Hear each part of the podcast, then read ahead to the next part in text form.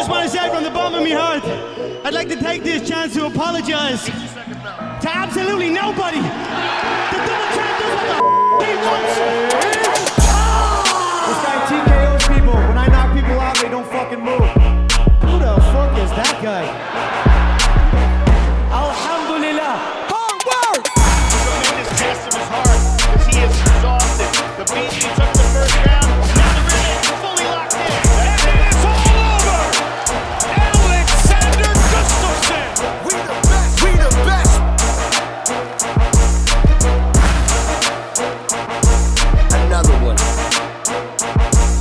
Yes, yes, yes, damas y caballeros, bienvenido al show de Chefsnäspodden, un podcast de lucha. Yo me llamo Andrés y conmigo está Alan Layton. y tenemos el placer de estar con nuestra visita de Lazarote, España, nada menos que Eche Sosa. Bienvenido. Muchas, muchas gracias. El placer es mío de estar aquí con ustedes y poder hablar un poquito. Y, Sí. con, y también con mi entrenador Mario, Mario Alonso. Muchas el gracias, maestro. muchas ¿eh? gracias. Bienvenido. Gracias. Bueno, ¿cómo fue el viaje? Cuéntanos. Pues la verdad que un poquito cansado, ya que eh, tuve que hacer escala en Madrid, eh, pasar la noche en Madrid, luego hacer escala en, en Holanda y, y ya por fin llegar a Suecia. Lo bueno que llego el miércoles, tengo un día esta noche para descansar y ya mañana empezar con el corte de peso. Pero bueno, nada me quita el foco, nada me quita el foco de la pelea, que, que es lo esto es- importante. es rutina para ti ya en esto. Sí, con esta pelea es mi, sería mi pelea 40 Claro. en MMA, contando amateur y profesional. Así Wow, que 40. la experiencia es un grado, ¿no? Y es la cuarta vez que viene aquí a Suecia, ¿cierto? La cuarta, sí. En eh, F- FCR. F- FCR. FCR. Fight Club Rush. Y esta vez vas a luchar con... Frederick Strauss. Bueno, y cuéntanos qué sabes de él. Bueno, sé que es un chico muy estiloso, que, que es muy completo, se mueve bien tanto arriba como en el suelo. Y, y nada, con todos mis respetos hacia él, yo vengo a por lo que es mío, a ganar, me lo he currado como nadie, he trabajado día y noche, vengo con los deberes hechos, espero que él también y que podamos ofrecerle a toda la afición sueca una batalla como, como se merece. Claro, como, como siempre tú tienes eh, un estilo muy agradable de mirar y yo creo que, bueno, yo he escuchado que este luchador lo han comparado un poco con Conor, que tiene un estilo parecido a Conor. Sí, le dicen el, he visto que le dicen el, el McGregor danés. Pues bueno, pues de lujo. No, eh, la comparación, el nombre. Bueno, ¿y qué dice el entrenador? ¿Cómo ha sido este fight camp para, para Sosa? Bueno, nosotros desde que hemos dado una vuelta de tuerca un poco a las planificaciones y hemos sido más tácticos, eh, los resultados están siendo mucho más productivos. Primero porque no sufrimos y segundo porque nos llevamos lo que queremos, que es la victoria. Claro. Por lo tanto, en esta preparación hemos seguido la misma línea. Un plan táctico estricto, eh, meticuloso, muy estudiado todos los movimientos y, y con las cosas muy claras, muy, muy claras. Por lo tanto, Eche llega en unas condiciones físicas y mentales muy, muy, muy sólidas. Está bien. Pero cuando tú haces tú lo- los entrenamientos, tú, tú vives en Lanzarote, Sí. pero después te vas a Madrid.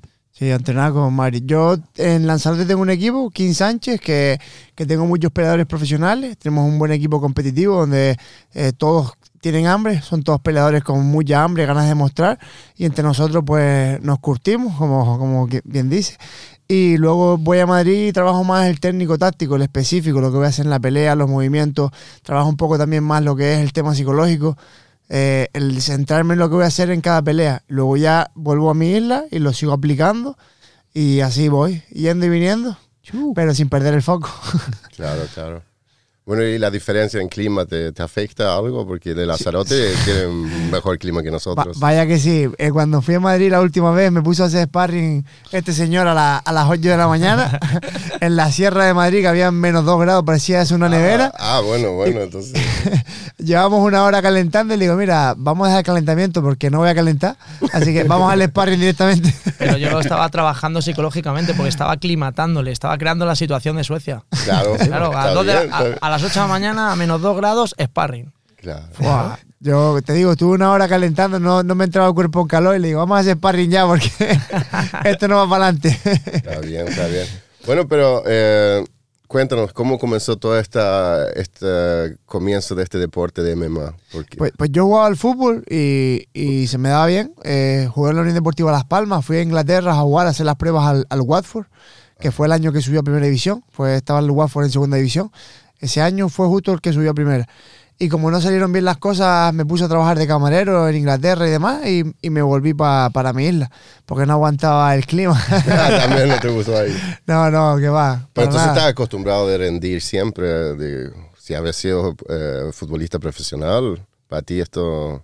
Sí, bueno, pero el fútbol al final es diferente. En el fútbol, eh, tú juegas al fútbol y, y es, es como un juego, ¿no? No te cuidas tanto de alimentación, no tienes un control de peso. Esto es mucho más, esto me ha hecho enfocarme mucho más y, y saber lo que quiero de verdad. Yo pensaba que quería ser futbolista y al final no salió, por H o por B. Y mira, ahora estoy aquí cumpliendo un sueño que, que es más grande que, que todos los que he tenido antes. ¿Y cuál fue el primer contacto de, de las luchas? Pues yo eh, entrenaba un poquito de boxeo a veces porque tengo un primo, Enrique de Rada se llama, que, que lleva las veladas del Team Formento y en, Gran Canaria. Y, y había yo un poquito de boxeo y demás, pero eso, entrenaba el fútbol y cuando iba a Las Palmas a mi primo, algún día entrenaba con él, pero claro, no puedo decir dedicación porque si yo iba a Las Palmas una vez cada cuatro meses, entrenaba un día, dos días, eso, ¿sabes? Aprendía un poco y tal, pero... Pero nada, y después empecé porque vino mi primo que, que había empezado a entrenar el MMA y me dijo, mira, voy a entrenar MMA, ponte los guantes, vamos a hacer un sparring, no sé qué. Hicimos un sparring en mi casa y le pegué, le, le pegué fuerte. y a partir de ese día, pues me dijo, vente a entrenar, que seguramente se te da bien. ¿no? Em- Fui a entrenar a un equipo pequeño, que había un entrenador que se llamaba Alexi, el jamonilla, y... Y nada, pues entrenando con él así todos los días, me- él me metió la pasión en el cuerpo y de ahí para adelante, pues hasta aquí hemos llegado. ¿A qué edad fue eso? Eso fue con 19 años. Con 19 años. Un poquillo tarde, pero bueno, no, está bien. Está bien, está bien. Hemos, hemos corrido un poquito más rápido, pero, pero va bien. Claro. ¿Y tu primera pelea, cómo fue esa? Mi primera pelea fue, yo empecé en diciembre de 2015, yo debuté en abril de 2016 contra un chico que se llamaba Jose Campos, que era campeón de España de kickboxing, tenía un 5-0 en amateur. Y la gente me decía, pero ¿cómo vas a pelear con él que te va a matar y tal? Y yo decía, a mí me da igual, yo voy a pelear y ya está. La pelea está en YouTube, para mí la gané. Hicieron dos asaltos solo, no entendí el por qué. Eh, hicieron dos asaltos de tres. Y para mí yo gané la pelea. En el primer asalto lo derribé, lo monté, lo tuve de contra la reja, llevé la iniciativa. Pero bueno, él era conocido ahí en, en Gran Canaria y en el mundillo y yo no. Y estábamos peleando en su casa. A veces cuando peleas Claro. fuera pasa eso. Pasa eso. y nada, se dio un nulo y después... Pero no, no estabas nervioso la primera vez que luchaste. La primera vez no, la verdad que los nervios me empezaron a entrar cuando tenía algo que demostrar. Al principio lo hacía por, por disfrutar, lo hacía porque me gustaba pelear, y iba y nadie esperaba nada de mí y, y lo pasaba bien y disfrutaba. Después cuando ya conseguí ser campeón de España, ir a los mundiales y demás, empecé a sentir un poco la presión mediática y empecé a sentir un poco lo que eran los nervios. ¿sabes? Y ahí, ahí sí me, me ponía nervioso, me costaba dormir más. Pero bueno, ahora ya lo llevo mejor. Claro. Pero ¿cuándo sí. empezó la conexión entre ustedes dos? Ah, pues yo, yo quedé campeón de España cuando llevaba entrenando un año y poco y, y fuimos a los mundiales con la selección española de MMA. Fuimos cada uno por su lado. Es más, yo no sabía que iba nadie hasta que nos encontramos en el aeropuerto con los chandals de la selección. Es verdad, es verdad. Y, y ahí conectamos, nos llevamos muy bien, estuvimos una semana, pasamos una semana en Bahrein eh, increíble, hablando, conociéndonos no solo deportivamente, sino personalmente también. Conectamos bien. A la vuelta del viaje me invitó a su gimnasio a entrenar, entrené con ellos, con los chicos ahí a puerta cerrada. Y la verdad que me sentí muy cómodo y a partir de ahí pues ha sido imprescindible en mi equipo y en mi vida. No, sí, los resultados eh, han sido muy bien. ¿Cuántos campeones tienes de España? ¿Dos? Tres, Tres. Tres. Y uno de África. uno de África. ¿Cómo ganaste ese? Porque vieron que era de Canarias y dijeron, mira, Canarias está ahí entre África y España, vamos a dejarlo Te entrar. queda lejos, te queda cerca y dijiste, vamos para allá. ¿Y, y cómo fue esa lucha? ¿Cómo fue ese, e- esa, ¿cómo Pues, se ese campeonato. campeonato? Nada, la verdad que estuvo súper bien. Eh, fuimos a Johannesburgo, a Sudáfrica, eh, y eh, yo me lo pasé que te cagas. Disfruté como un niño pequeño. Hicimos allí eh, muchas excursiones. Fuimos al, al- a ver Nelson Mandela, hicimos safari viendo los leones y demás. Y, y lo pasé súper bien. Encima tuve tres peleas, gané las tres. Ah, no, do- dos. Eran tres peleas, pero gané dos porque el rival mío no se presentó al, en semifinales. Y pues súper bien, como te digo. Yo siempre que disfruto los viajes noto que las cosas salen bien. Entonces, para mí lo principal cuando voy a pelear o salgo o tal es disfrutar del viaje, disfrutar de cada momento. Y la pelea pues es una consecuencia de lo que hago cada día. No, no lo vivo con tanto estrés como, como lo he hecho en otras ocasiones. Y tú como entrenador, ¿qué, qué, qué tiene ese que es tan así, wow? Echer lo que, lo que principalmente tiene, que es, yo le llamo diamante, eh, es una mentalidad indestructible. Entonces, es cuando un deportista tiene talento, cuando un deportista vive por y para un, un- un objetivo y encima tiene mentalidad, es la persona indicada para, para ayudar y para estar con él como si fuera parte de tu familia. Su sueño es mi sueño. Y yo, en este caso, eh, como él ha comentado, él entrena en Lanzarote y yo soy su head coach, en quien confía, en quien, en quien, en quien se apoya para, para afrontar retos difíciles. Y yo abandono un equipo con 400 deportistas por estar ahora aquí con él. ¿Por qué? Porque siento que yo también estoy peleando la jaula a su lado y por eso creo que Cher se merece todo mi apoyo y el mío y el de mi familia, porque él es parte de mi familia, viene a mi casa, siempre que viene a mi casa, con mi hija, con mi mujer, con mi familia. O sea, somos un, un equipo, creo que la palabra resume equipo. Equipo y familia. Ahí está. ¡Ey! Pero, eh, cuando veníamos en el vehículo, también conversamos de, de la última pelea con Bilal, Mm, donde ustedes vinieron y se sintieron bien, bien solos aquí. sí, Y eh, fueron solamente ustedes dos que... sí, con una bolsa de plástico y, y un paraguas. Pero bueno, conversemos un poco de, de- de esa lucha, que fue una lucha fantástica para mí, que fue una guerra y, Sí, la, y que la ganaste con todo, con todo su derecho. la verdad que fue una pelea muy bonita. eh, eh, salió todo prácticamente como habíamos planeado y planificado meses antes. Y, y la disfruté mucho, la disfruté mucho. Yo cuando entré en las aulas sentía que había peleado con Bilal ya mil veces. Yo lo vi y dije, joder, contra este tío otra vez. Pero también había mucha gente que decía, no, él es más fuerte.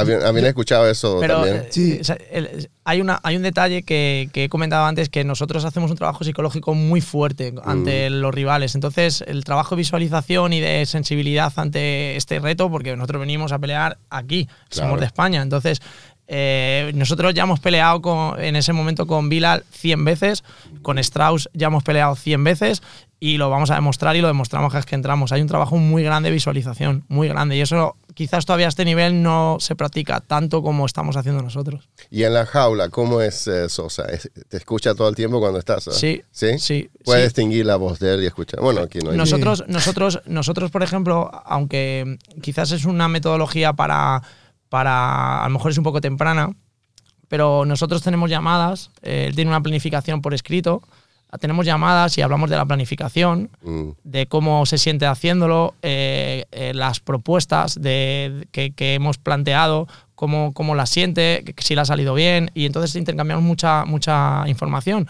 Y luego cuando viene a casa vemos vídeos, hablamos otra vez, entonces eh, al final es una familiarización constante que hace que, que no tengas presión, que no te sientas indefenso, al final entras entras eh, cómodo, entras cómodo. Y es un ejercicio que, que para la pelea con Bilal ya hicimos, funcionó y seguimos por la misma línea y creo que, que es el camino a seguir. ¿Y cómo fue la sensación de ganar esa lucha? Porque fue una lucha mm, Sí, pues, fantástica, fantástica. La verdad que me llenó el alma. Encima venía de una derrota, que había sido una derrota muy, dolor- Claro, muy dolorosa. Claro, claro. Porque no me había dejado de mostrar el trabajo que había hecho que, que- y el trabajo que tenía detrás.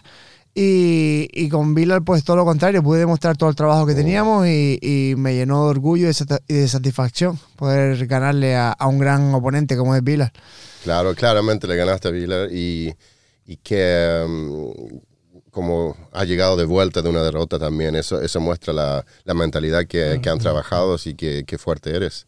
Sí, al, al final, muchos luchadores, después de una derrota y de una derrota como la mía, eligen un camino un poco más fácil. Buscarían un rival más fácil, lo más asequible.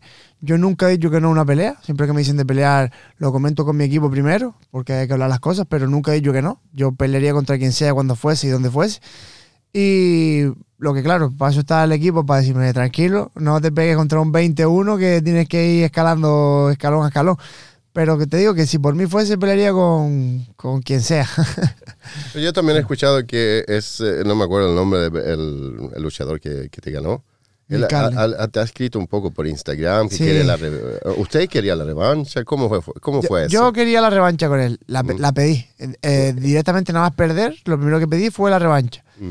Y, y le- él tenía la pelea por el cinturón y, y nada, pues vale, él tiene su pelea por el cinturón. Luego perdió y le ofrecieron la revancha y él dijo que no. A mí me llegó el mensaje de que él dijo que no, que él iba a cambiar de categoría de peso después de perder con Bernardo.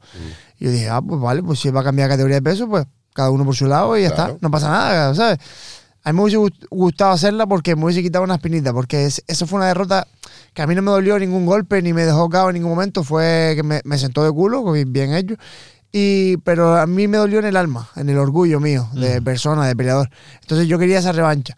No se dio, él siguió por su lado y por el mío, y ahora como a mí me están dando peleas y a él no, pues parece que está molesto conmigo, ¿sabes?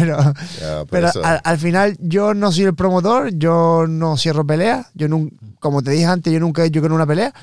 Y si se da, pues se da. Y si no, pues yo sigo mi camino, ¿sabes? Y el Claro. camino se hace al caminar y yo no puedo estar esperando, pensando en lo que pasó, porque al final tengo que mirar el futuro. Tengo una hija que alimentar y una hija que a la que darle todo lo que yo no tuve, así que para adelante. Y si viene, pues viene. Y si no, pues otra cosa saldrá. Pero ¿cómo te tratan aquí la, el eh, FCR? La verdad que me tratan increíblemente bien. Eh, te digo, yo he peleado, como te comentaba, con esta pelea es la 40 eh, y, y nunca me habían tratado tan bien una promotora, ni en España ni en ningún lado. Eh, te tratan increíble, están pendientes de todo, te dan el móvil de alguien de la promotora cercana para que si te falta algo, estar pendiente de las 24 horas del día. Es increíble, la verdad. Yo estoy súper contento. ¿Y la comunicación todo es en inglés o en español? Eh, en inglés, en inglés. En inglés. ah. Sí, en inglés. Hay, hay un muchacho que habla español, pero no me acuerdo cómo se llama. En Sí. inglés. Pero tú hablas inglés perfecto, así que... Yo, yo hablo inglés bien. pero, pero cuando me pone la cámara delante, que me pongo nervioso. Ah. Claro, porque se lo, digo, se lo explico a todo el mundo que yo hablo inglés bien en para hablar. Pero luego, si me pones una cámara y tengo que traducir las palabras que quiero decir del español al inglés, y no es un tema, un- una conversación coloquial, ya es una conversación que requiere un poquito más de palabras. eh, Claro. ¿sabes? Co- Como nosotros en este momento. Claro. Hay alguna ¿Cómo se palabra- dice? ¿Cómo se dice? ¿Cómo se dice? Claro, hay, alguna palabra que no me sale y me quedo, ay, ah, ¿sabes? Porque claro, porque me- la frase sí me la sé, pero la palabra en clave no. Y me trago un poco, y más con las cámaras que me pongo un poquito nervioso. pero bien, bien. No, pero yo creo que, que Suecia también te ha recibido con, con amor y Sí. te, te ha ganado el amor con todas las luchas que has hecho y has hecho cada vez que vienes hace un espectáculo y, y muestras todas tus cualidades que tienes en eh, MMA, que gracias a tu coach, que lo están haciendo muy bien, muy bien. Yo creo que estás muy cerca también de- del cinturón, ¿o no? Vamos a hablar del cinturón. Ojalá, ojalá. Yo, yo lo que te digo, camino es el caminar. Yo eh, antes de correr prefiero caminar paso a paso y estoy centrado en el, en el 25, en este sábado, que tengo un, un oponente delante, tengo una persona a la que tengo que respetar y pensar más allá creo que sería faltarle un poco el respeto a él. Así que eh, centrado en esta pelea, en, en ganarla, acabarla antes de tiempo, que es a lo que vengo. Y después ya se verá las puertas que se abren. Porque al final pensar más allá en lo que va a pasar en mayo, en si después pierdes, que el palo es doble, ¿sabes? Yo prefiero centrarme en, en el primer paso, afianzarlo y ya veremos lo que viene detrás. El cinturón, pues me encantaría tener la oportunidad de pelear por el cinturón, pero ya, ya eso viene a consecuencia de, de lo que, del trabajo que estamos realizando. Muy bien. Muy bien, muy bien respuesta. No, porque es muy fácil que uno eh, ve el cinturón nomás y se le olvida el oponente que tiene adelante. No, no, no. Pero- hay- es lo que te digo, hay que ir paso a paso. Al final, si piensas en el cinturón y, y tienes un- el sábado una pelea y luego pierdes, estás descentrado. Yo estoy enfocado 100% en mi pelea del sábado, no me, no me descentra nada, ni mi próximo rival, ni la revancha con Carles, nada, no me- nada. Yo estoy enfocado en él, que sé que es la persona que quiere ahora romper mi sueño y no se lo voy a permitir. ¿Y cuál, que- ¿Y cuál es tu sueño? El sueño más grande en, en este MMA. Mi, sueño, como el de creo que todos los peleadores de, MMA, es ser campeón de UFC. Pero sé que eso es un sueño que, que está muy en el aire. Entonces, como siempre digo, paso a paso, mi, mi sueño y mi objetivo ahora mismo es entrar a UFC. Cuando esté en UFC, pues me marcaré otros obje- objetivos. Mi primer objetivo en cada paso es ganar el 25, luego a ver qué puertas se abren y seguir caminando y escalando hasta llegar al, al primer objetivo que es llegar a UFC. Luego ahí pues ya se verá. Ojalá, ojalá todo siga yendo como está yendo y se me dé la oportunidad y se brinde todo eso, pero hay muchos factores y, y ahí estamos trabajando. Claro, y están trabajando y mi pregunta es, ¿cómo alcanza a entrenar y rendir? Eh, eh, tocaste el tema que tienes una hija, ¿cómo, cómo planeas todo esto? Para mí es complicado y cuando salgo a entrenar con Mario y a Madrid, me voy de training camp, pues se, se me hace un poco más fácil porque me centro solo en entrenar. En mi día a día es verdad que llevo mucho estrés, pero al final hay dos formas de verlo, ¿no? Una de que te cansas y te rindes y otra de que te dé hambre. Te dé hambre de que estás sufriendo por algo y lo sigas haciendo porque lo quieres de verdad. Una persona débil, una persona floja diría, venga, pues, ¿para qué hago esto si no lo necesito? Pero yo sí lo necesito, lo quiero, lo deseo y pongo todo en el, todo en la carne en el abrazo, en el, sí, pa- para, para conseguirlo. Y no hay más, para mí no hay más. Yo, la gente me dice, "¿Y si no te sale lo de la lucha, ¿qué vas a hacer? Y digo, no sé, yo tengo un plan A que es conseguirlo. Y vale que tengo estrés, vale que tengo problemas, vale que tengo muchas cosas, pero sigo con mi objetivo al 100% y eso no me lo va a quitar nadie de la cabeza. Eh, ¿Y qué, qué dice tu hija? ¿Que va, vas a luchar a Suecia o a Mi otro hija, país? mi hija dice que, porque yo me la llevo a entrenar, tiene tres años y ya está entrenando ya. Ah, tiene tres años, ahí pensaba, ok, E- Ella contenta, ella dice que su padre es el más fuerte del mundo. Claro. Y, y el otro día me la iba a entrenar y cuando acabamos de entrenar me dice, papi, porque me escuchó hablando con los chicos, me dice, Suecia está muy lejos. Le digo, sí, sí, mi amor, Suecia está muy lejos. Y me dice, pues yo quiero entrenar y viajar para hacer pum, pum, pum contigo. Sí, ah. Pero ella te- ha ido a algunas luchas en España contigo, no, era muy en- pequeña. En ¿no? España no la dejan entrar los eventos y yo tampoco, siendo tan pequeña, tampoco quiero que, que no entienda el que no lo entienda y sufra. A lo mejor me hacen daño o algo y va a estar ahí sufriendo. Prefiero Mm. Claro, cuando sí. sea más grande y lo entiende y lo normalice un poco más. Sí me gustaría que vaya a verme, pero de momento que se mantenga en su mundo de Mickey Mouse y, Claro, y sí, es esas mejor, cosas es que, está, que está sí. feliz ella y eso es lo que me alegra a mí. Claro. ¿Cómo un poco la diferencia eh, en España para hacer eh, combates, peleas? Eh, un, un equipo, ¿cómo se dice? ¿Tú puedes hacer una pelea así este fin de semana así nomás? Sin eh, ¿cómo se dice? Eventos. Eh, eventos, pero sin eh, restricciones. Por ejemplo, aquí, si que tú querías hacer un evento, tenéis que ir tanto papeles, tenéis que llenar.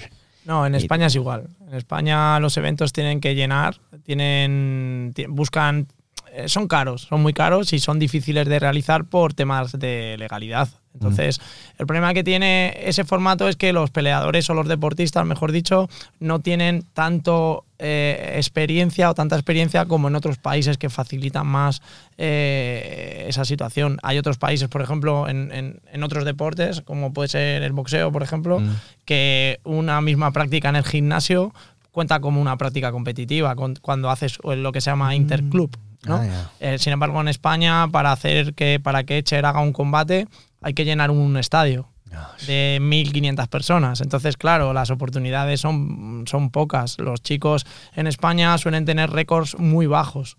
¿Por qué? Porque no hay tantos eventos. Ahora parece que hay más porque hay más afición, hay más puntos donde fijarse, las redes sociales apoyan mucho las MMAs y hay referencias como referencias que en, en la que la gente, los deportistas se ven reflejados. Por ejemplo, Echer es una persona la cual muchos amateurs que están yendo a los mundiales, que están yendo a los europeos y MAF, se ven reflejados en Echer y entonces impulsan a su equipo, los entrenadores tienen un motivo para motivar y es una rueda que estamos creando entre todos. Pero en España es cierto que debería haber más eventos para que los deportistas crezcan más. En eso tienes razón. Sí. No, es porque lo estaba pensando, porque aquí hay tantas restricciones. Sí, sí, sí. Eh, entonces iba a ver si era más fácil en España. No, es difícil. Es más, en, otro tipo, en otros países es más fácil. Un- a lo mejor mm, te enfrentas a, a un, a un profesional que tiene un récord de un 2-0, pero a lo mejor tiene un rango amateur de 150 peleas. Claro, eso es una- un desarrollo muy grande como deportista. Y luego en España a lo mejor hay gente que sale a profesional, tiene un 2-0 también, pero ha, ha hecho cuatro peleas amateur. No es el mismo deportista, ni mucho ¿Y- menos. ¿Y, cómo son los eventos en España? ¿Hay, ¿Va la gente a, a mirar eventos? O Sí, sí, sí, sí, sí. lo que pasa que, que Se que cuesta- venden. sí, se vende cada vez más, pero porque están cambiando un poco el, el- el- el objetivo de venta. Ahora hay más making of, hay más eh, difusión de todo. Entonces, eh, al final se mueve un poquito más el evento, y, y- pero al final los eventos es el, el peleador en España, por lo menos en España, el público que trae lo trae el peleador. No lo trae alguien que no tiene relación con, con ese deportista. No claro. llega un fan de otra provincia porque hay un evento y viene a verlo. No, eso no. Eso cuesta más. Pero lo están cambiando y que están creando mucho más difusión. Hacen mucho, pues hacen pesajes públicos con, con- en, en- en cines, que, que tienes la grada ascendente. O sea, hacen un poco de show. Hacen show. Ah, ok. Y los peleadores venden y es cierto que sí, sí, sí está mejorando bastante. Está, está, está creciendo. Igual que el nivel de, MMA en España, ¿cierto? Correcto, eso es. En España ahora mismo hay un nivel muy aceptable y se van y se está viendo. Se está viendo que los amateurs ahora mismo van como, como aviones, van como Ferraris. Claro. Y, y- y- y dentro de esa camada de amateurs talentosos, pues aquí está el señor Sosa, que es la referencia de lo que viene. Claro. Y usted estuvo en la selección. ¿Cómo fue esa experiencia de estar eh, pertenecer a la selección eh, española? Pues para mí principalmente fue un orgullo representar a mi país, ¿sabes? Siempre cuando era futbolista quería jugar a la selección española de fútbol, nunca lo logré. Y llevando un año y medio en MMA, pues logré representar a mi país a nivel, a nivel, a nivel internacional. Y so- es lo que siempre digo, para mí eso fue increíble. Ahora lo pienso, miro atrás y digo, va, cambiaría algunas cosas, pero si en ese momento me diesen, me, me hubiesen dicho que hoy iba a estar aquí y que iba a, haber logrado ser tercero del mundo, campeón de África, tercero Europa y todo eso, no me lo hubiese creído, lo hubiese firmado con los ojos cerrados. Ah, muy bonita la historia que, estás creando, que están creando ustedes. Otra cosa, una pregunta para usted. Em, ¿Cómo consideras a, a Sosa? ¿Cómo te- ¿Qué tipo de peleador consideras que él? Porque ahí dicen que él es striker, otro, ¿o no? A ver, eh, Sosa es cierto que tiene, tiene el cartel de striker. y eh, una de las cosas, por ejemplo, por las que Cher ha subido mucho el nivel es porque yo eh, soy especialista en striker. eh, tanto técnico como táctico, ¿no? O sea, mi especialidad con mis deportistas principales es, es el golpeo. Y, y yo, yo tuve una conversación con Echer un día y me, me dice, ¿cuál, eh, ¿cuál crees que es mi, mi- mi punto fuerte? Y le digo yo, la lucha y el grappling. Y me dice, ¿pero qué dices? Eh, ¿Cómo puedes decir eso? Y le, y- y le digo, sí, porque tienes que mejorar mucho el striker. y entonces, eh, a partir de, bueno, de esas bromas y tal, ¿no? Pues, Claro. pues eh, como yo tengo, porque yo realmente con Echer no llevo tanto tiempo, o sea, realmente el cambio de, de, de nivel de Cher y, y esta, y, y esta cima que ha conseguido ha sido desde que, hemos, desde que se ha venido realmente conmigo y con José del King Sánchez y hemos hecho un- unos cambios muy drásticos y está funcionando todo a la perfección porque somos como 8 o 10 personas que trabajamos a la par por él. Entonces, eh, eh, la lucha y el grappling que tiene Echer es brutal, es brutal y nos encantaría poder mostrarlo, pero. Bueno, lo pero, mostró pero la, ya- la lucha con pero, Pilar. la pero, última. pero ya lo. Además, muy inteligente en la es, lucha. Tiene eso una es. inteligencia en la lucha que Y luego- que ha sorprendido. Sí, sí, no, muy inteligente, lo básico a la perfección. Y luego es un driller increíble en el suelo. Y luego en el golpeo es muy, es muy competitivo, es muy competitivo. Y a eso si le sumas que estamos trabajando técnicamente, eh, el- el- se puede decir las virtudes de Cher, pues estamos creando una espada afilada Claro. para, nuevo- para retos importantes, porque no es lo mismo tener un hacha sin afilar y estar en medias ligas que tener un hacha afilada ya pensando en una gran liga. Entonces, nosotros estamos afilando el hacha y él está respondiendo como, como esperamos de él. No, me la- yo estoy fascinado. Todo un fan, ¿sabes? No, sí, de verdad, porque lo, lo más que hablamos, me acuerdo más y más la última pelea. Y yo me acuerdo cuando estuvimos y la, y- y la vim- y la vimos, eh, se notaba ta- la diferencia. Como, como estás explicando, tú eras un striker. Pero en esa pelea, cuando te tocó un- uno que eh, wrestler, ¿cómo Sí, dice? wrestler, wrestler, sí. que le- te, querías votar, tomarte todo el tiempo, ¿cómo lo neutralizaste? Ujú. Y al mismo tiempo como tú entrabas con tus golpes y lo estabas así de pedacito, pedacito, pedacito. Y eso es una, es como se dice, un, eh, un- la técnica Sí. Y la paciencia también para derrotar a tu enemigo como es como se pone más y más cansado. Sí, co- trabajando con cabeza. Que eso es algo que antes yo, bueno, tú mira, mis dos primeras peleas acabaron en el primer asalto, la de Bilal y la de Carlen. Fuimos ahí a- al cruce a ver qué pasaba. La de Bilal no, la de Carlen y la de Johnny Tuma. Mm. Fuimos ahí al, al cruce desde el principio y, y lo que hablábamos, desde- gracias al equipo que tenemos ahora, trabajamos mentalmente todas las cosas mejor y vamos más calmados paso a paso y ganando la pelea como se tiene que ganar.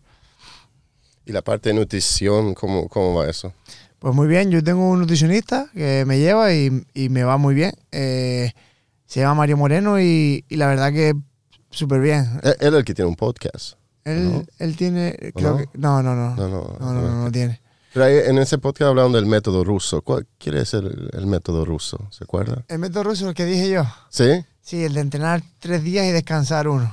Ajá. Yo entreno tres días, mañana y tarde, me da igual que sea jueves, viernes, sábado o viernes, sábado, domingo. Yo entreno tres días, descanso uno, siempre. Me da Ok. igual. Yo durante todo el año, no me importa qué día sea de la semana. Yo soy deportista todo el año, entreno tres días, mañana y tarde, doy el 100% en todos los entrenos, descanso uno y vuelvo tres días. ¿Cu- ¿Cuánto entrenamiento al día, diariamente? Pues es depende, depende. A veces me tocan entrenamientos físicos que son me llevan menos, menos desgaste energético y me pego a lo mejor en el gimnasio haciendo pesas dos horas. Y a veces tengo entrenamientos más, más explosivos que son sparring o, o sprints y demás que llevan menos tiempo, pero trabaja a lo mejor más el cardio o la función que necesitas para pelear. Es depende del día, pero según la planificación, el- el mínimo son tres horas y el máximo son cinco. Pasarse de cinco es quemarse.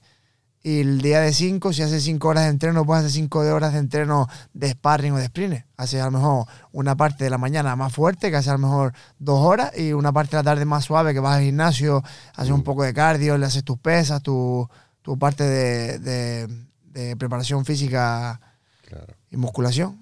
Pero, Pero esto es tu trabajo. Eso no haces, tú entrenas nomás. yo entreno, doy clases privadas a, a los chicos ahí en el gimnasio, en el gimnio que, que hablamos ahora, el King Sánchez de King Lanzarote. Sánchez, sí. en el gimnasio que estoy yo dando clases, doy clases privadas y grupales y, y entreno. Y gracias a mis patrocinadores, a mis sponsors que me ayudan cada vez que tengo una pelea y demás, me puedo permitir el lujo de poder viajar para entrenar y tal, porque si no, con la niña, el coche, como están las cosas hoy en día, la gasolina y todo eso, pues se me haría imposible. Sí. ¿Y cómo están los tiempos allá en España? Va, muy mal, muy mal, muy mal. Oye, Está muy mal, está todo muy caro, se, le- se les ha ido de las manos un poco.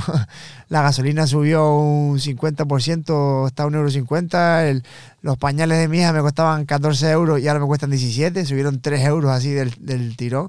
Un producto 3 euros, ¿sabes? Si compras 10 productos que suben 3 euros, son 30 euros más en cada compra. Eh, nada, está todo inviable ahora mismo. Y, y los autónomos los tienen explotados, que te lo diga aquí el compañero. tienen a los autónomos explotados, los trimestrales, los quitando el 30%, bah, todo fatal, está muy mal. El gobierno, muy mal. un gran país, un bonito país, donde todo podría ser perfecto, pero a un par de ellos, por hacerse un poquito más ricos, ganar un poquito más dinero, se lo están cargando.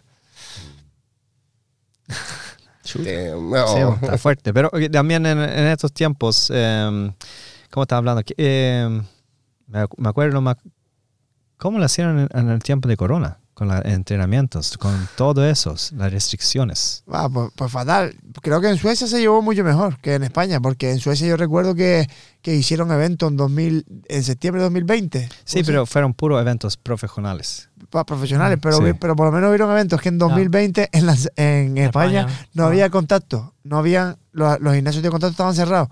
O sea, no es que hubiese profesional o amateur, sino que nadie podía entrenar. Tenías que correr en la calle tú solo o... O sea, era toda una locura, fatal. Se gestionó muy mal.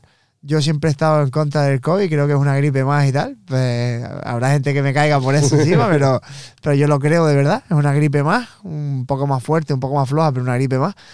Y, y creo que con las medidas se intentaron beneficiar a algunos pocos y, y arruinar a, a muchos. Pero ¿cómo, ¿cómo lo hiciste entonces? Porque tú tuviste una competición aquí en, en ese tiempo, ¿o no? No, yo peleé en 2021 aquí. la Ah, sí, po. A ver, en 2021, sí. En, en noviembre de 2021 fue cuando peleé con Johnny Tuma.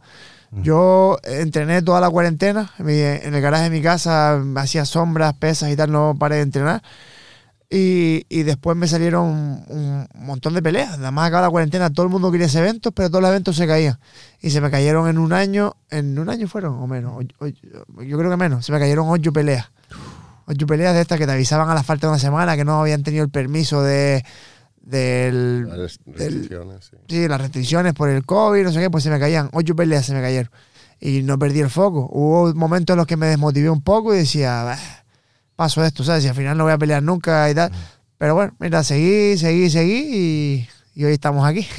Pero esa pelea de Johnny Tuma fue cuando había COVID, ¿cierto? Había menos, pero había había público, ¿no? había público, sí, Sí, sí, sí. Fue en- pero- no, fue en 2021 y, y yo me acuerdo que había público porque cuando yo entré me pitaba todo el público.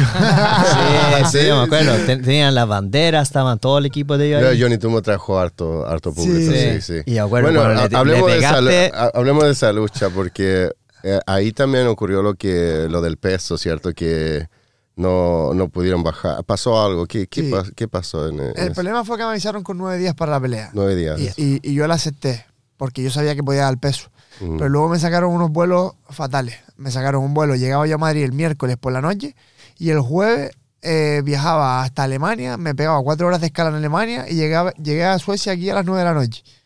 Y cuando llegué, le dije al promotor, nada, voy a dormir, me levanto a las 6 de la mañana y me pongo a cortar el peso. Y me dijo, no, a las 6 de la mañana no te puedes levantar porque el pesaje es, es a las 8. Y dije yo, pues sí, yo estoy reventado, llevo todo el día viajando, ¿sabes? Y me quedaban 4 kilos nada más, pero como estaba tan cansado, me puse a cortar peso desde, desde por la noche, de las 9 de la noche. No, no, y que no había bañera. Y no había, Eso no- es, no había bañera, había ¿cierto? bañera. no había bañera. Sí, porque y yo la, me acuerdo. y la porque- sauna no funcionaba. Ah, Claro, sí, porque po. yo estaba, yo, yo, yo le ayudé, yo le ayudé a otros luchadores a- Claro. eh, y arrendé un, un departamento en otro hotel que había bañera. Entonces tenía dos luchadores que estaban cortando pesos. Y a mí me llamó Slatko preguntando que si usted podía venir a cortar peso ahí. Yo le dije, no podemos, ya ellos están ocupando la bañera. Nah. Pero yo me acuerdo que hubo un problema en la bañera, ¿cierto? No, no había bañera. Lo primero no había bañera. En lo segundo, los vuelos me dejaron a mí reventado. Yo tenía el cuerpo muy cansado. Eh, llegué a las 9 de la noche a, a Basteras, al hotel, y, y yo estaba muy cansado. Eh, lo menos que me apetecía era ponerme a cortar peso. Y, y me dice, no, tienes que empezar a cortar peso ya.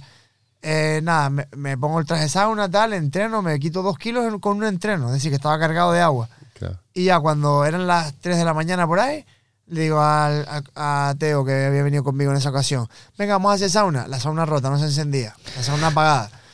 Pues fuimos a avisar a la chica que la sauna está apagada, no, que está rota, que está rota, que está rota. Las 3, las 4, las 5, las 6. Al final llamamos al LACO. Encima llamamos al LACO a las 3 de la mañana, pero él nos contestó a las 6 de la mañana ya. ¿Sabes? Porque él estaba durmiendo, Claro. lo normal. Y así en la mañana nos dice, no, tal, en la sauna, la sauna está rota. Vino, comprobó que la sauna estaba rota. Dice, no, pues suda. Y claro, le dije, sí, estoy de amanecida, sin dormir, que no he dormido desde, desde el miércoles, eh, viajando, eh, digo, yo no, sin comer, o sea, digo, yo no voy a, a sudar, digo, yo no voy a sudar porque me, me voy a morir, es que como salta la comba cinco minutos Te noquea la comba.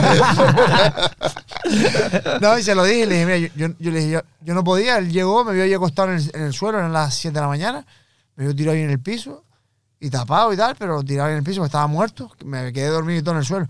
Y me dijo tal, y le dije, mira, lo siento, yo he hecho todo, me quedan un kilo y pico, dos kilos, no me acuerdo bien, por ahí. Digo, yo lo he hecho todo, me avisaron con nueve días, he venido hasta aquí, no hay bañera, la sauna está rota, digo, yo más no puedo hacer. Yo soy profesional, pero eso, Claro. eso está fuera de mi alcance. Claro, claro. Y al final, pues, pues Johnny Tuma, gracias a Dios, aceptó pelear. Yo le di la bolsa mía y peleamos. ¿Esa fue tu peor e- experiencia? Con el corte de peso, ¿Ah? Eh, ¿O tienes, tienes otras? tengo una ahí en Marbella que puede que sea peor. ¿Algo que quieras contar? O... Nada, en Marbella, pues, hubo un evento ahí en España que nos hicieron el lío. Eh, el pesaje era a las 10 de la mañana y, y por la noche nos dijeron que el pesaje al final no iba a ser a las 10 de la mañana, que iba a ser a las 7 de la tarde del viernes. Entonces dije yo, ah, bueno, pues ceno. Pues cené, cené y cuando termino de cenar voy para la habitación, eran las 12 de la noche y me iba a dormir ya y me dice, mira que al final el pesaje es a las 10 de la mañana. Y digo, pero, pero ¿cómo hace eso si se acabó de cenar y me dijiste que era a las 7 de la tarde? No, no, no, a las 10 al final. Porque todos los peleadores quieren a las 10, pues a las 10. Y pues nada, pues lo pasé un poco mal también. Pero bueno, dimos el peso, peleamos, ganamos y todo bien. Wow. Pero lo pasé un poco mal también. Bueno, ahora podemos hablar de la lucha de Johnny Tuma, que, que fue, fue un... Ganaste realmente, es un highlight que, que todo el mundo lo ve, con ese rodillazo que le pegaste. Esa fue la primera vez que... Pero también fue, fue un poco triste para nosotros ver a Johnny Tuma derrotado de esa manera, porque fue fuerte. Fue, fue bonita, fue bonita. Y bueno, te felicito por la lucha, pero Gracias. al mismo tiempo dolió, dolió verlo. A- hasta para mí fue triste porque yo conozco a Johnny Tuma de los europeos, los Ah, claro, ustedes se conocen, Ah, claro. yo lo claro. conozco. Y yo soy muy fan de él. A mí me gusta él como peleador. Ahora está ganando, le va bien. Pelea ahora en Nube Warrior. Ujú. Y yo le deseo todo lo mejor. ¿sabes? Claro, ¿qué, qué opina de eso que va a luchar por, por el cinturón de allá de Yo, Warriors Arabia? pues yo veo que desde que bajó 57 le está yendo muy bien. Que se mantenga en esa categoría porque por su altura y tamaño creo que es la categoría perfecta. Es muy fuerte para ese peso. Y creo que le va a ir súper bien. Yo confío en él. Es un chico que está enfocado, centrado. A pesar de la, de la derrota que tuvo conmigo. Que bueno, son, nos, superó, pasa, nos claro. pasa a todos. Claro, en un momento a dado, a del- mí me pasó con Carlen, a él le pasó conmigo. Eso nos pasa a todos, es parte del juego. Es un deporte donde las acciones se definen por milésimas de segundo. Cualquiera puede ganarle a cualquiera. Y, y yo nada, yo creo que él va a ganar y espero que gane. Desde aquí le deseo toda la suerte y todas mis fuerzas está con él. Y, y nada, apoyarlo, apoyar al peleador sueco, ya que Suecia me trata bien a mí, pues yo trato bien a los Claro, peleadores suecos. claro, claro. Pero, pero ¿cómo ves eh, pelear en otras organizaciones? Porque ahora has competido puro aquí en, en- en Suecia. Claro, usted tiene un multi-deal aquí con, con FCR, ¿o no? Sí. Tiene un multipelea. Ah, de, de- sí. de tres luchas, No, de cinco horas, de cinco. de cinco, sí. Han, hecho tres o cuatro. Hemos tres. hecho tres. Tres, y ahora claro. empezamos la primera de las cinco nuevas que renovamos. Mm. Ok. Claro, y, y nada, yo contento. Yo al final es lo que te digo. Yo soy peleador, me gusta pelear. Aquí se, se vive muy bien el ambiente de pelea y, Mm. y los fans lo viven increíble. Pues yo contento. Yo sí con tener oportunidades aquí pa- para pelear en otro sitio donde no hay tanta repercusión o pagan mal o te ponen rivales súper duros con récord locos en una liga buena, ¿vale? Que te van a pagar pero te van a reventar el récord o Como en el, eh, la organización, el Octagon, que empezó ahora. Octagon o Brave son orga- organizaciones que a lo mejor puedes rascar dinero, pero te van a poner un 20-0 o tal, y al final dicen, no, te damos 3.000 euros, o el M1, por ejemplo, te vas, no, te vas a Rusia, te damos 3.000 euros contra un 20-0. O sea, este- Eso al final, esta organización para mí es, muy buena, FCR, porque aparte del trato de los luchadores, buscan peleas equilibradas, nunca buscan nada, que no, no buscan poner a un debutante contra un, un chico con 10 peleas, o no buscan, buscan todo lo lógico. o Claro, sea, porque Jorgen, que es parte de la organización, Mm. él ha sido entrenador de, de la selección de MMA de Suecia. Lo conozco también. Claro, entonces tiene mucha experiencia y seguro te lo conoces. Sí, lo conozco de Claro, la todo. selección. Es el entrenador del Fight Club Rush, ¿no? Claro, De- es un buen eh, matchmaker. Sí, entrenador de, matchmaker. del Alexander Luffy y tal, ¿no? Claro, claro. Sí, sí. Quién Nosotros, por ejemplo, lo hablamos, Echer y yo, el tema de FCR, que, que se diferencia principalmente por, por cómo tratan a los deportistas y cómo difunden las, las peleas. Eh, tiene una difusión y un, y un ímpetu en la publicidad del evento muy grande, que también para un deportista es importante. ese- esa forma de hacerte ver ¿no? y hacerte crecer, porque tú puedes estar peleando en promotoras o eventos fuertes y no llega a ninguna parte, no, no, no lo sabe la gente. Sin embargo, FCR tiene un marketing muy, muy bueno y luego el trato que nos dan, lo que decía Cher, es, es increíble, nos tratan muy Qué bien. bien, qué bien que lo están tratando bien. Sí, sí. Y a ver, ¿qué le iba a preguntar? Oh, Sí, me, me están tratando tan bien que como la cosa sigue así, me pillo un pisito por aquí. ¿eh? ¿Por qué no? ¿Por Ahora está no? yendo y viniendo tantas veces, me quedo por aquí tranquilito. Pero el, el verano. Ah, eso es lo que iba a preguntar. El verano, bueno, ve- Eh, eh, verano. eh, van a tener un nuevo evento en junio. en junio. Eh, en junio, el 3 de junio. Yo sé que anteriormente dijiste que no quieres pensar, quieres ver esta lucha primero, Sí. pero ¿cuándo podríamos verte de, de nuevo, nuevamente? Yo, ah, junio para mí. ¿Muy mira, cerca? No, muy cerca no, muy imposible. Es que es totalmente imposible junio para mí. Y más el 3, porque tengo un viaje reservado con mi, con mi novia y con mi hija, del 1 al 8 de junio. Ya. Está pagado y todo ya. Eso es. Si no, me quedo con las maletas en la calle. No, está bien. Así que del 1 al 8 de junio para mí es imposible. Esa semana justo me voy del 1 al 8, está todo. Claro. Es imposible. No, Eso, pero eso- ellos- eso sí que es una pelea por cinturón, pero Ah, en su y- casa. y- y- Ah, y esa está perdida. está perdida. Esa la pierde, ahí- Pero esa es mejor perder. Las Esa apuestas van mal ahí. ¿eh? Unibeta, esa apuesta hay que hacerla. No, pero ellos planean, ah, van a tener cuatro eventos por, ah, por año, dicen, así que se viene más. Y Parece que en octubre, noviembre también nombraron. En ese estoy 100% Claro. seguro. O sea, ¿te gusta venir en invierno? Yo estaba pensando que, que, que venga en verano para que veas, disfrute de... Es que para ver el sol me quedo en Canarias, que tengo mis Ah, playas. claro, y claro, para ver el frío, pues vengo aquí. que- que frío de este no hay en Canarias. Pero tú que quieres estar activo, ¿cuántas eh, veces quieres pelear al año? Pues yo, si las lesiones me respetan, pelearía una vez a cada mes y medio por ahí, si pudiese. Pero sé que en profesional con los cortes de peso es imposible. Así que cada dos meses, tres meses, dos meses y medio, tres sería lo suyo para mí. Eh, ¿Cuánto, ¿Cuánto cortas normalmente de peso? Yo eh, me mantengo siempre pesando 71, más o menos. 70, 71.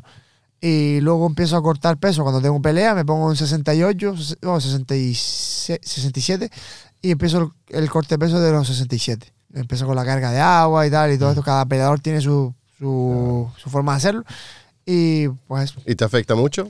a mí la verdad que no. Yo- ¿El humor? ¿El humor? ¿no? la- la- Hay que preguntar en la casa, ah, ¿no? sí, Hay sí, que preguntar en la No, casa. no. Hay que ser sincero. El humor me afecta, como te decía antes, de las tres últimas semanas, las dos primeras me afecta muchísimo. Porque sé que son las que no puedo fallar con, el, con la dieta. Esta semana ya es la semana de la pelea, me da igual. ¿sabes? Es decir, sé que el viernes voy a comer y voy a recuperarme y demás. Pero las otras dos, que en las que tengo previsiones, la que tengo a mi hija, que, que si se come un paquete de galletas delante mía, o el otro día en su cumpleaños comiendo tarta. Esas, eh, ahí sí me pongo de mal humor porque me da un poquito de ansiedad. Yo soy muy goloso, me gusta mucho el dulce. Y, y la paso un poco mal. lorosas, no. No, prefiero no leerlo porque si no, si lo vuelo me lo como. Nah, y cuando, cuando estoy un poquito goloso, pues intento eh, cambiar el- la alimentación. Me, me como un yogur 0% con proteínas de chocolate o intento cambiar algo que me mate un poco la, me sacie un poco y. Y, Y, cu- y cuando te estás recuperando, también ahí te vas eh, comiendo con, con cuidado. Con o- cuidado, sí, sí. Claro. Estamos cuatro o cinco horas, no sé, lo tengo apuntado dos. Cuatro o cinco horas eh, re- recuperando líquido primero y Mm. después empezamos ya a, a meter un poco más de sólido y demás. Pero poco Ya. a poco, paso a paso. Y eso tú ya, ya lo sabes porque Sí. lo has hecho muchas veces o, te- o hay gente que te ayuda también. No, tengo a, a Mario, como te decía antes, el dietista que me ayuda porque vamos ajustando cositas para hacerlo cada vez mejor. Mm. Y, y la verdad que bien. Antes, cuando yo peleaba en amateur, pues no hacía corte, no hacía ningún corte, me mantenía en 68 durante todo el año y bajaba dos kilos para los campeonatos, 66 y peleaba. Pero ahora en profesional, que tengo que bajar a 61, pues bueno, con el corte, las cargas de agua, el control de la fibra, vaciando los, los depósitos de glucógeno y demás, pues he dado el peso bien, siempre. Qué bien. Y bueno, después, cuando ya la lucha termina, ¿cómo celebran? ¿Cómo lo celebro? Pues yo siempre lo digo, yo prefiero celebrarlo con mi familia, con la gente que me quiere, antes que ir a una discoteca o empezar como hacen otras personas, que cada uno lo hace como quiera, no que le critique. Yo prefiero celebrarlo con los míos, con los que lo han sufrido conmigo, con los que me apoyan cada día y por los que hago esto, a los que le dedico de verdad mi victoria, Mm. que sé que, que pierden conmigo como ganan conmigo. ¿Y qué se come cuando se celebra? ¿Qué se come? De Pues- todo. McDonald's. De todo. McDonald's. hamburguesa, de to- hamburguesa, si te digo la verdad, prefiero que no sea la del McDonald's, porque ya que me voy a comer hamburguesa, prefiero una buena. ¿eh? Una buena, sí, Pero sí. normalmente cuando terminas de pelear son la una de la mañana o Claro. las 12 de la noche, entonces que está abierto. Que ah, solamente El McDonald's. McDonald's. Va a acabar el Claro, McDonald's. claro. Sí, sí, pero no, yo de- después de la, de la pelea siempre digo, no, voy a comerme mil cosas, voy a comer de todo. Y después como dos días mal, me duele la barriga y vuelvo a hacer dieta, ¿sabes? Es como, que va, me sentía mejor comiendo bien. No, estoy disfrutando. Disfrutando. No, no, pero hay hartas cosas que quiero preguntar, pero al mismo tiempo no- le tengo que pensarlo cómo se tiene que decir. Ah, claro, uno está traduciendo. sí, aquí, ¿no? yo yo te echo una mano, te echo una mano. No, a ver, eh, ¿qué estaba pensando? ¿Y, y cómo se puede ver esta pelea allá en España? Digamos así, En a tu España, gente. A, a través de la, de la aplicación UFC Fight Pass. ¿Y a qué hora? UFC Fight Pass. A las 5 horas Canarias eh, empieza el- el- el- la cartelera principal. A las 6 horas España, hora península. Peninsular. Sí, porque digo España y me caen. España es español, coño. Bueno, pero ¿y se puede decir cómo van a ganar esta lucha o, o- o Yo- no, lo quieren mantener secreto? Yo tengo muchas armas y con que solo una funcione, pues ganaremos la lucha. Ahora, yo voy a disfrutar. Para mí estar aquí es un premio. Como antes te decía, si me hubiesen dicho hace seis años cuando empecé que iba a estar hoy aquí en Suecia haciendo una entrevista con ustedes, que iba a estar en un evento como es este y tal, no me lo hubiese creído. Así que esto para mí es un premio. Ahora, disfrutar, sacar mis armas y acabarlo lo antes posible. Si, si, ¿Cómo me gustaría acabarlo? Pues con un bonito caos, como, como todo el Claro, mundo. como siempre, como siempre. ¿Cómo, cómo me gustaría acabarlo? Con un caos. ¿Cómo lo pienso que lo voy a acabar? Con lo que él me regale. Tranquilamente. Yo voy a hacer mi trabajo y cuando vea la oportunidad, desde que cometa un error, pues lo va a pagar caro. No hay más. Ya sea en el suelo, de pie, un, lo que sea. Claro. Bueno, no se lo pierdan el 25, este sábado 25 de febrero. CR. Esa es. Claro, claro. Eh, antes que, que terminemos esto, que cerremos esto, nosotros tenemos un concepto que a todos los, eh, a todas nuestras visitas tienen que regalarle un combo a alguien.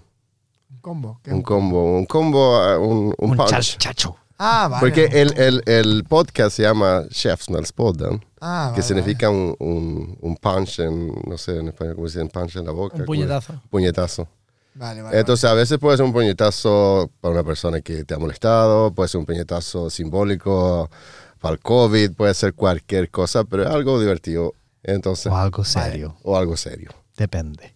No, pues venga, dale tú primero. Yo le mm, pego un puñetazo a Álvaro Ucendo porque me llama mucho por teléfono y, y le tengo muchas ganas. Es un, Álvaro Ucendo es un profesional de, de España, un talento también. Y a esto va para ti, Álvaro, un puñetazo que te vas a llevar.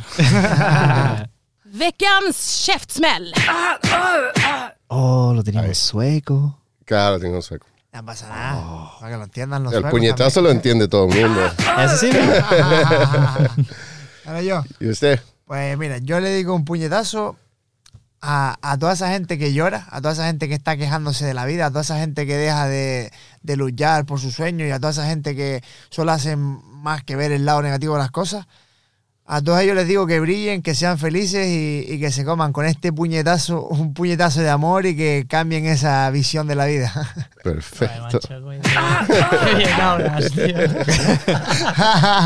Bueno, eso sería todo. Eso y sería muchas gracias por haber visitado nuestro podcast. Y Gracias perdonen por el idioma. La próxima vez vamos a hablar mejor, a lo mejor. No, o lo hacemos en inglés o en sueco. En sueco, en.